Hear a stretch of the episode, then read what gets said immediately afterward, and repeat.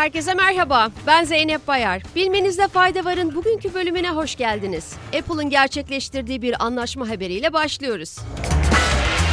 ABD'li teknoloji şirketi Apple, ülkede üretilen bileşenler için Broadcom ile çok yıllı milyarlarca dolarlık bir anlaşma yaptığını duyurdu. Şirketten yapılan açıklamada anlaşma sayesinde Broadcom'un 5G radyo frekansı bileşenleri ve son teknoloji kablosuz bağlantı bileşenlerini geliştireceği bildirildi.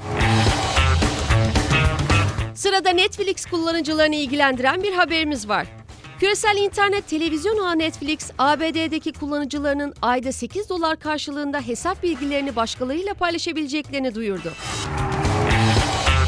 Bu seçeneğin yalnızca standart ve premium planını kullanan müşteriler için geçerli olduğunu belirten şirket, dünya çapında toplamda 100 milyon hanenin ödeme yapmadıkları halde Netflix hesaplarına ulaşabildiklerini açıkladı.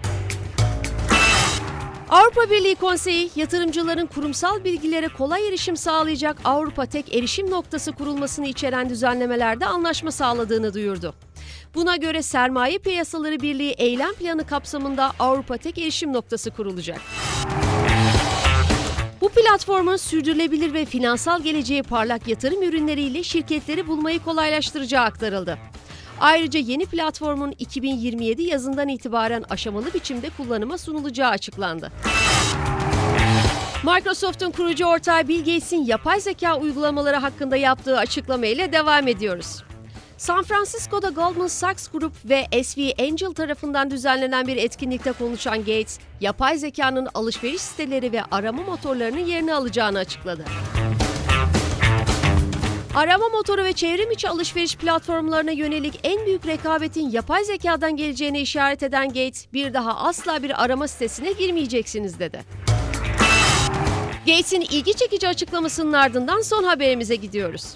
Çin'de Çin Hanedanı'nın son imparatoru Puyi'ye ait kol saati Hong Kong'daki bir müzayede yaklaşık 5,1 milyon dolara alıcı buldu.